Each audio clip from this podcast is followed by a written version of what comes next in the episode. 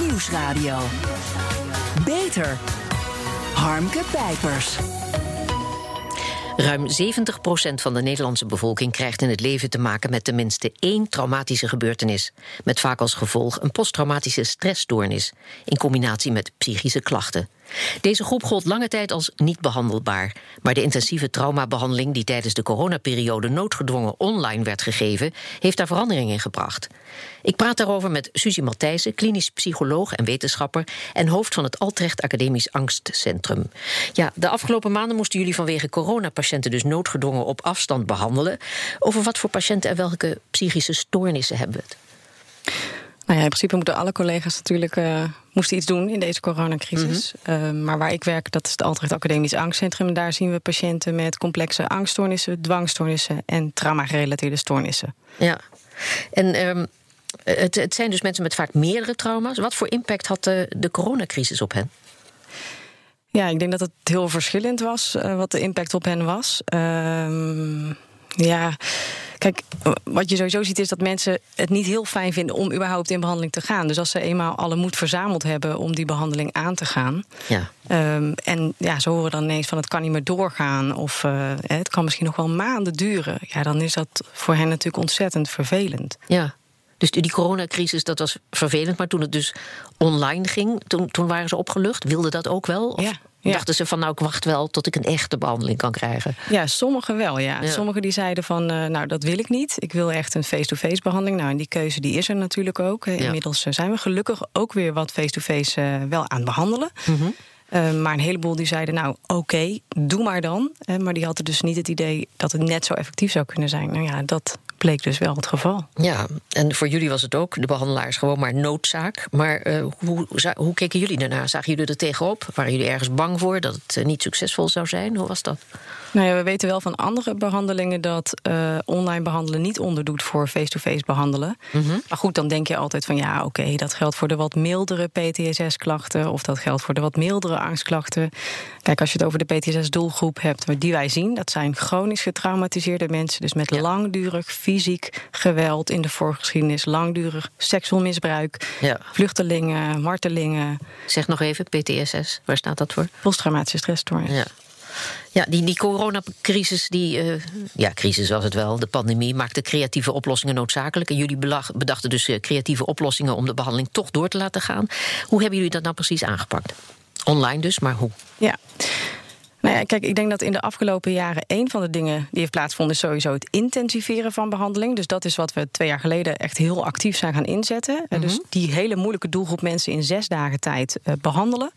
En wat we dus nu hebben gedaan is dat hele programma, uh, wat in de ochtend bestaat uit imaginaire exposure, dat is één evidence-based behandeling voor PTSS. En in de middag EMDR, Eye Movement Desensitization and Reprocessing, een andere evidence-based behandeling voor, voor PTSS. Nou, die twee hebben we helemaal online gegeven. En ja. nog psycho-educatie en een onderdeel bewegen. Het zijn een heleboel termen bij elkaar. Ja. Even EMDR. EMDR is een uh, traumabehandeling waarbij je eigenlijk uh, aan het nare gebeuren moet denken. Dus mm -hmm. je haalt een nare herinnering op. En tegelijkertijd wordt er een heleboel werkgeheugenbelasting gegeven. Dat wil zeggen andere duale taken. En ja, zoals wat? Wat moet je dan doen? Kan van alles eigenlijk zijn. Mm -hmm. Kijk, de meeste mensen. Nou, dat zou best kunnen, ja. ja. Maar de meeste mensen kennen het van de oogbewegingen. Hè, ja. Van links naar rechts. Mm -hmm. uh, een balletje of vingers van de therapeut. Maar in feite kan het van alles zijn, zolang het het werkgeheugen maar goed belast. En ja. patiënt moet dan zo goed mogelijk aan het nare blijven denken. En jij als therapeut moet zo goed mogelijk die patiënt proberen af te leiden, als het ware. En die twee taken die voeren dan competitie. En we weten dat als je herinneringen ophaalt, dat ze een tijdje labiel zijn. Nou, mm -hmm. die kun je dan dus bewerken in die tijd. Nou, en dat is wat EMDR, waar EMDR gebruik van maakt. Door die competitie kun je dat plaatje niet met dezelfde lading vasthouden. En sla je het plaatje uiteindelijk weer met minder lading op in je langetermijngeheugen. Ja. Binnen psychiatrie uh, wordt niet voor niets heel veel gesproken over het belang van het opbouwen van een vertrouwensrelatie met de patiënt. Maar hoe doe je dat online? Is, is een effectieve behandeling dan, dan ook nog wel mogelijk? Ja, blijkbaar wel, hè? Ja, ja. zou je wel zeggen, maar ja. vertel dan. Nou ja, ik denk dat sowieso veel veranderd is als het gaat over die vertrouwensrelatie. Um, sommige mensen denken dat je daar heel lang de tijd voor nodig hebt. Ja. Um, dat blijkt niet zo te zijn als je afgaat op de resultaten van eigenlijk heel veel van deze intensieve programma's. Niet alleen bij ons, maar overal. Want die maken ook nog eens gebruik van rolerende therapeuten. Ja. Dus in de ochtend zie je mij, maar in de middag zie je mijn collega. En de volgende dag zie je weer twee andere therapeuten. Ja, dus qua relatie opbouwen, dat is dan nogal. Uh, hè? Nou ja, ze voelen wel een relatie. En ik voel ook echt een relatie met al mijn patiënten. Mhm. hè, maar zij voelen een relatie ook met een heel team. Ze voelen zich juist heel gedragen. En mensen zeggen eigenlijk bijna allemaal achteraf tegen ons. Ik vond het heel fijn dat het met heel veel mensen was. Ja. Bij iedere therapeut biedt iets anders. En uh, nou ja, dat je niet snel een relatie op kan bouwen met iemand lijkt me, nou ja, niet echt. Uh, zeg maar op waarheid berust. Want ik bedoel, we kennen allemaal ook de vakantieliefdes... die we in één avond geweldig vinden. Dus uh, ik denk dat je heel snel een relatie kan opbouwen met mensen. Ah ja, God biedt vooruitzichten. Maar goed, hoe, hoe, veilig is een online behandeling voor patiënten als er uh, niemand tegenover ze zit om op tijd te signaleren dat het misgaat? Bijvoorbeeld omdat ze erg gaan dissociëren of erg depressief worden. Ja, Heel veel van onze patiënten zijn depressief bij aanvang van de behandeling. En we zien juist als we die trauma's behandelen, dus die klachten behandelen, dat eigenlijk die depressieve klachten ook uh, mee behandeld worden. Ja. Dus die gaan ook mee naar beneden. Dus voor depressieve klachten zijn we niet zo bang. Uh, nou ja, eigenlijk voor bijna geen enkele extra klacht zijn we heel bang. Uh, het kan wel heel vervelend zijn. Hè? Dus als mensen de neiging hebben om te dissociëren, dan maak je daar van tevoren afspraken over. Je kunt mensen er heel goed bij houden door ineens wat meer geluid te maken. Hè? Of uh, ineens iets toch in hun visuele veld te brengen via de computer. Dus je kunt, daar van, je kunt daar van alles mee doen. Ja, maar goed, uh, het moest, hè? het moest online. Maar ik heb begrepen dat je er aanvankelijk toch niet zo heel erg positief tegenover stond. Nou, nou niet, niet dat ik er niet heel positief tegenover stond, maar zoals ik al zei, we praten wel over een heel complexe doelgroep. En mhm. ik vind het al heel mooi dat we zien dat zo'n grote groep van die mensen geholpen is bij zo'n behandeling van zes dagen. Ik bedoel, als je het hebt over mensen die twintig jaar lang bijvoorbeeld in de ellende zitten, twintig jaar lang misbruikt, geslagen en dan in zes dagen tijd geholpen. Maar ook zes dagen online? Ja, dus ook zes dagen online. Ja, en nou, dat is wat ik niet had verwacht. Ik had verwacht, oké, het zal wel iets iets ingewikkelder zijn. Ze zullen toch iets meer afstand ervaren tot de therapeuten. Ze zullen wel minder goed hun bewegingsonderdeel thuis gaan doen. Um, nou ja, kijken ze de psycho-educatiefilmpjes wel helemaal af? Uh, zijn ze wel net zo gemotiveerd?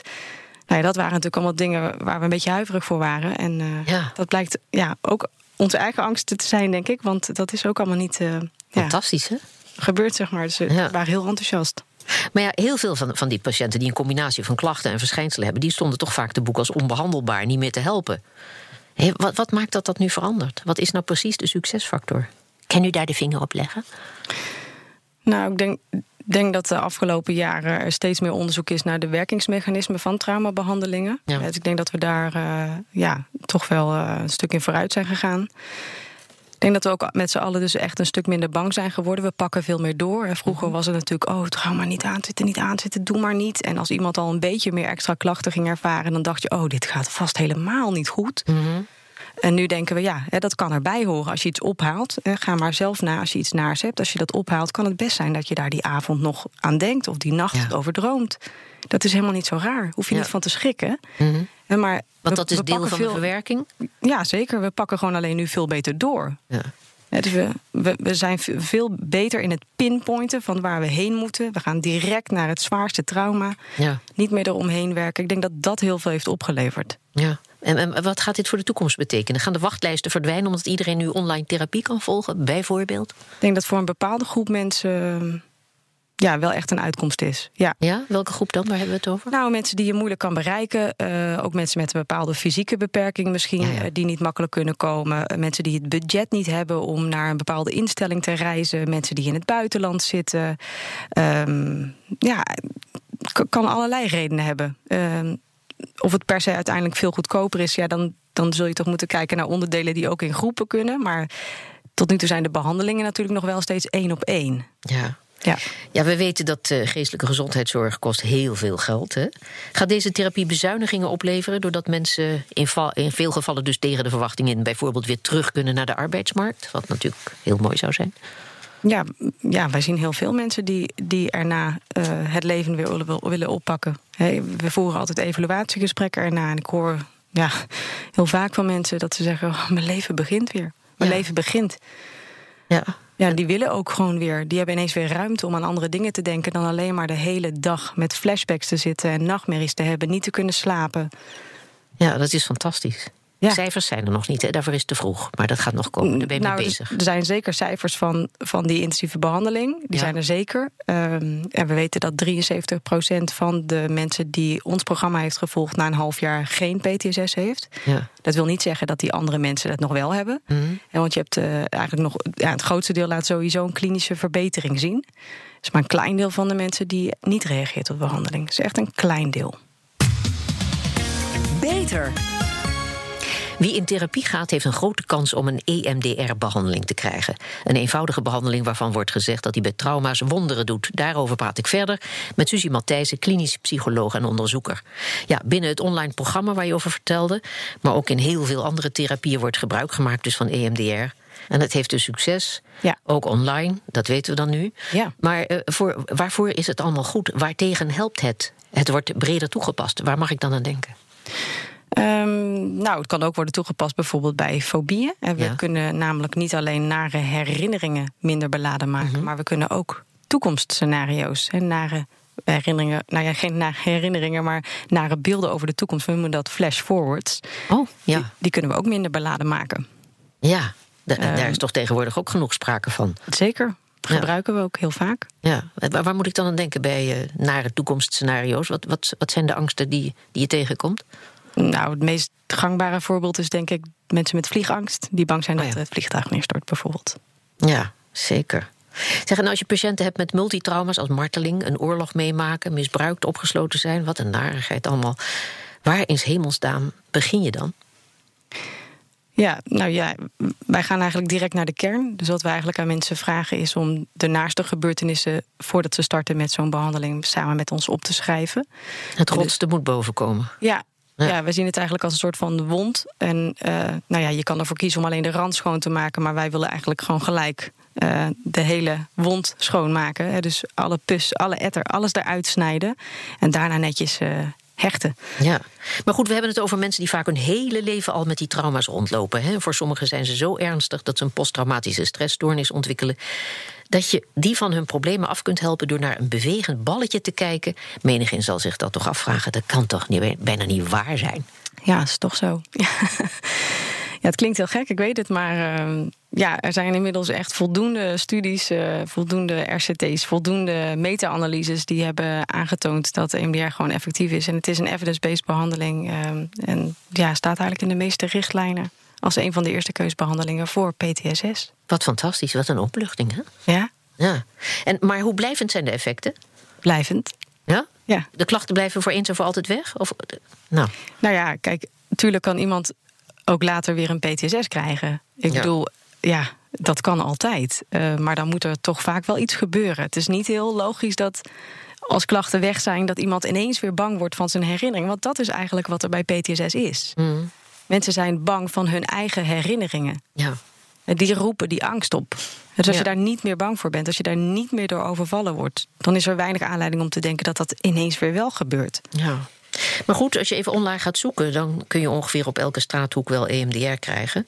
Moet een behandeling daarvoor gediplomeerd zijn? Of kan iedereen deze traumabehandeling geven? Ik vermoed sterk van niet, maar barst los. Ja, nou ja, dat kan inderdaad niet. Nee, je moet uh, wel degelijk gewoon een, uh, een opleiding daarvoor gevolgd hebben.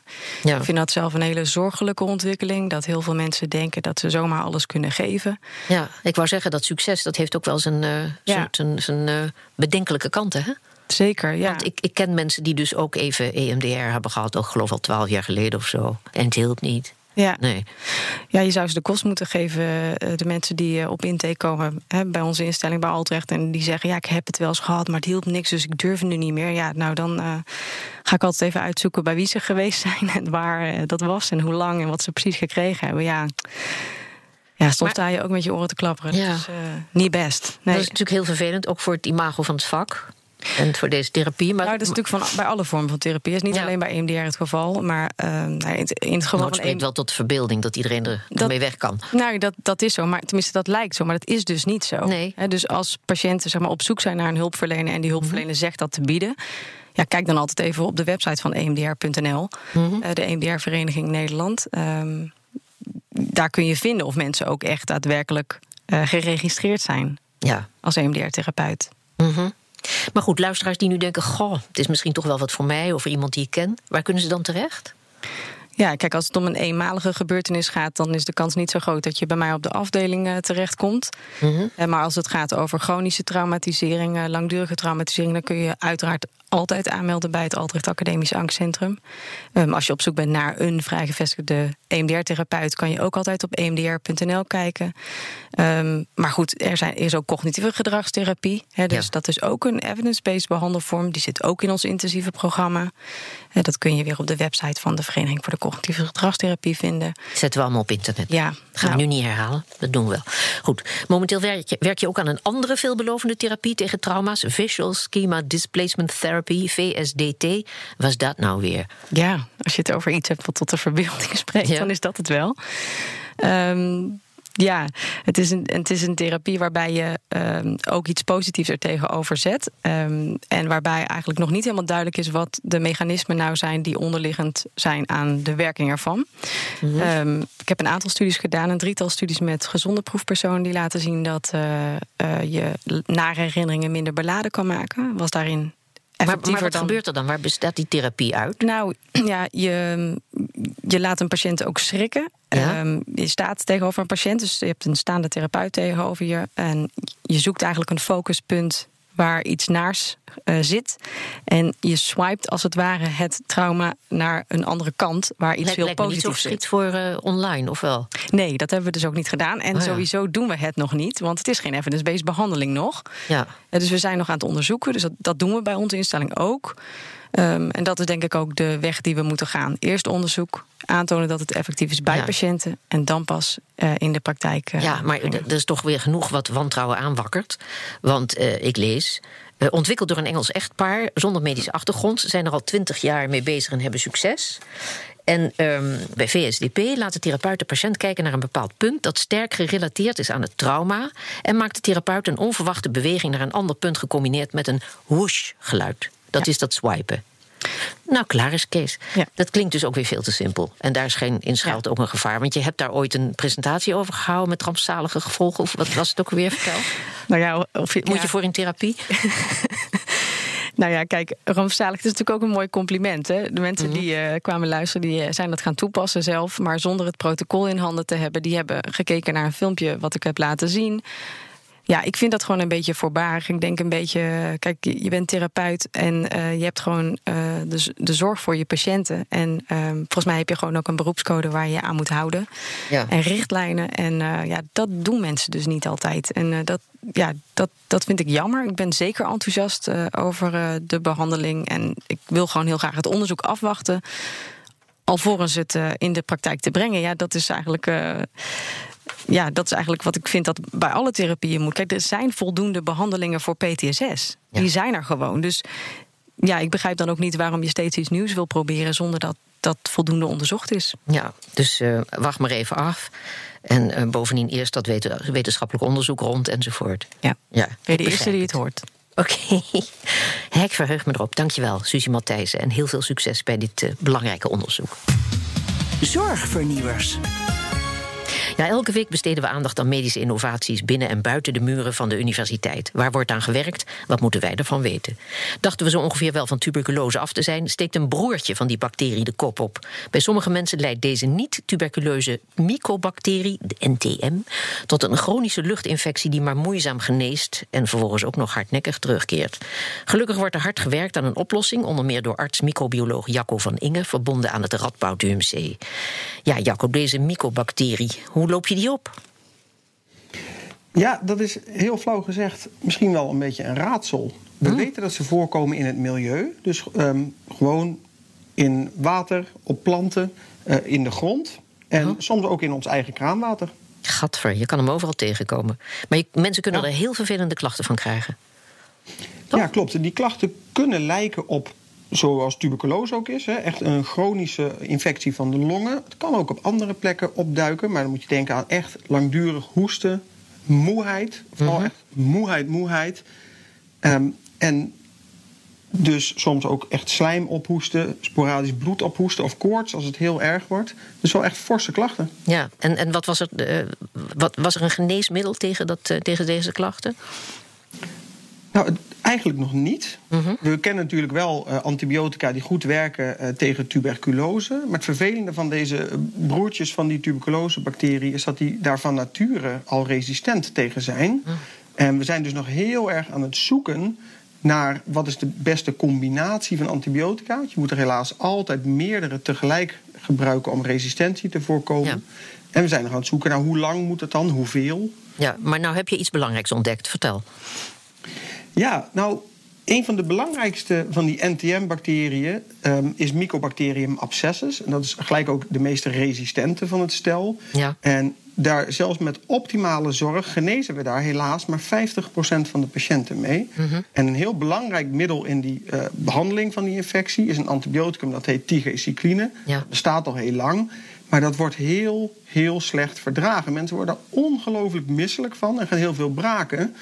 En wat wij hebben ontdekt, is dat als je dit middel eh, inhaleert, direct in de longen, dan is het ten eerste veel effectiever. In muizen, moet ik er eerlijk bij zeggen. Maar we denken dat het dan in mensen ook veel minder bijwerkingen geeft. Ja, arme muizen, maar het, het schijnt te werken. Dus dat betekent dat nu alle patiënten aan de inhaler kunnen? Nou, was het maar zo'n feest? Uh, nee, we zijn nu echt nog veel stappen daar vandaan. We gaan nu eerst kijken of het veilig is. Of uh, als patiënten dit antibioticum vernevelen, of ze daar dan ook geen extra luchtwegklachten of andere klachten van krijgen. En daarna moeten we ook nog gaan werken aan hoe kan je dat nou zo goed mogelijk inhaleren, zodat je zoveel mogelijk van het antibioticum in één keer in de longen krijgt. Ja, en dan pas zijn we helaas bij de patiënt aangeland en kunnen we echt gaan behandelen. Het duurt kortom nog even. Ik begreep dat er nu voor het eerst een internationale behandelrichtlijn is voor NTM, waar jij het initiatief voor hebt genomen. Dat is een mooie prestatie, toch? Ja, ik moet zeggen, daar ben ik heel oprecht wel heel gelukkig mee. Er, bestonden al behandelrichtlijnen. Uh, eigenlijk al vanaf eind jaren 90, toen deze ziekte voor het eerst goed beschreven werd. Maar die waren Amerikaans. En die waren gebaseerd op de ervaring van een klein aantal uh, mensen die daar in een aantal gespecialiseerde centra werken. Zoals wij ook een gespecialiseerd centrum hebben in het Radboud UMC. Ja. En wat we nu voor het eerst voor elkaar hebben gekregen, is dat we internationaal mensen om tafel hebben gekregen. En het wetenschappelijk bewijs wat er is voor de verschillende behandelingen, nou is gewoon echt kritisch tegen het licht hebben gehouden. Gewogen van oké, wat werkt nou? Zeker weten wel. Wat werkt stiekem toch eigenlijk niet? En daarmee hebben we nu eindelijk een internationale richtlijn gebaseerd op echt wetenschappelijk bewijs. En niet wij van WC Eend. Nee, die niet. Hartelijk dank. En heel veel succes bij het bestrijden van deze vervelende longziekte. Jacco van Inge. En tot zover deze uitzending van BNR Beter. Op bnr.nl/slash beter is deze uitzending terug te luisteren of on demand via de BNR-app, Spotify en op Twitter onder BNR Beter. Ik ben Harmke Pijpers. Vanaf volgende week kunt u de hele zomervakantie lang luisteren naar de leukste, opmerkelijkste en meest interessante gesprekken die ik dit jaar met mijn gasten had. Dankzij die gasten natuurlijk. Een fijne zomer en tot een volgend spreekuur.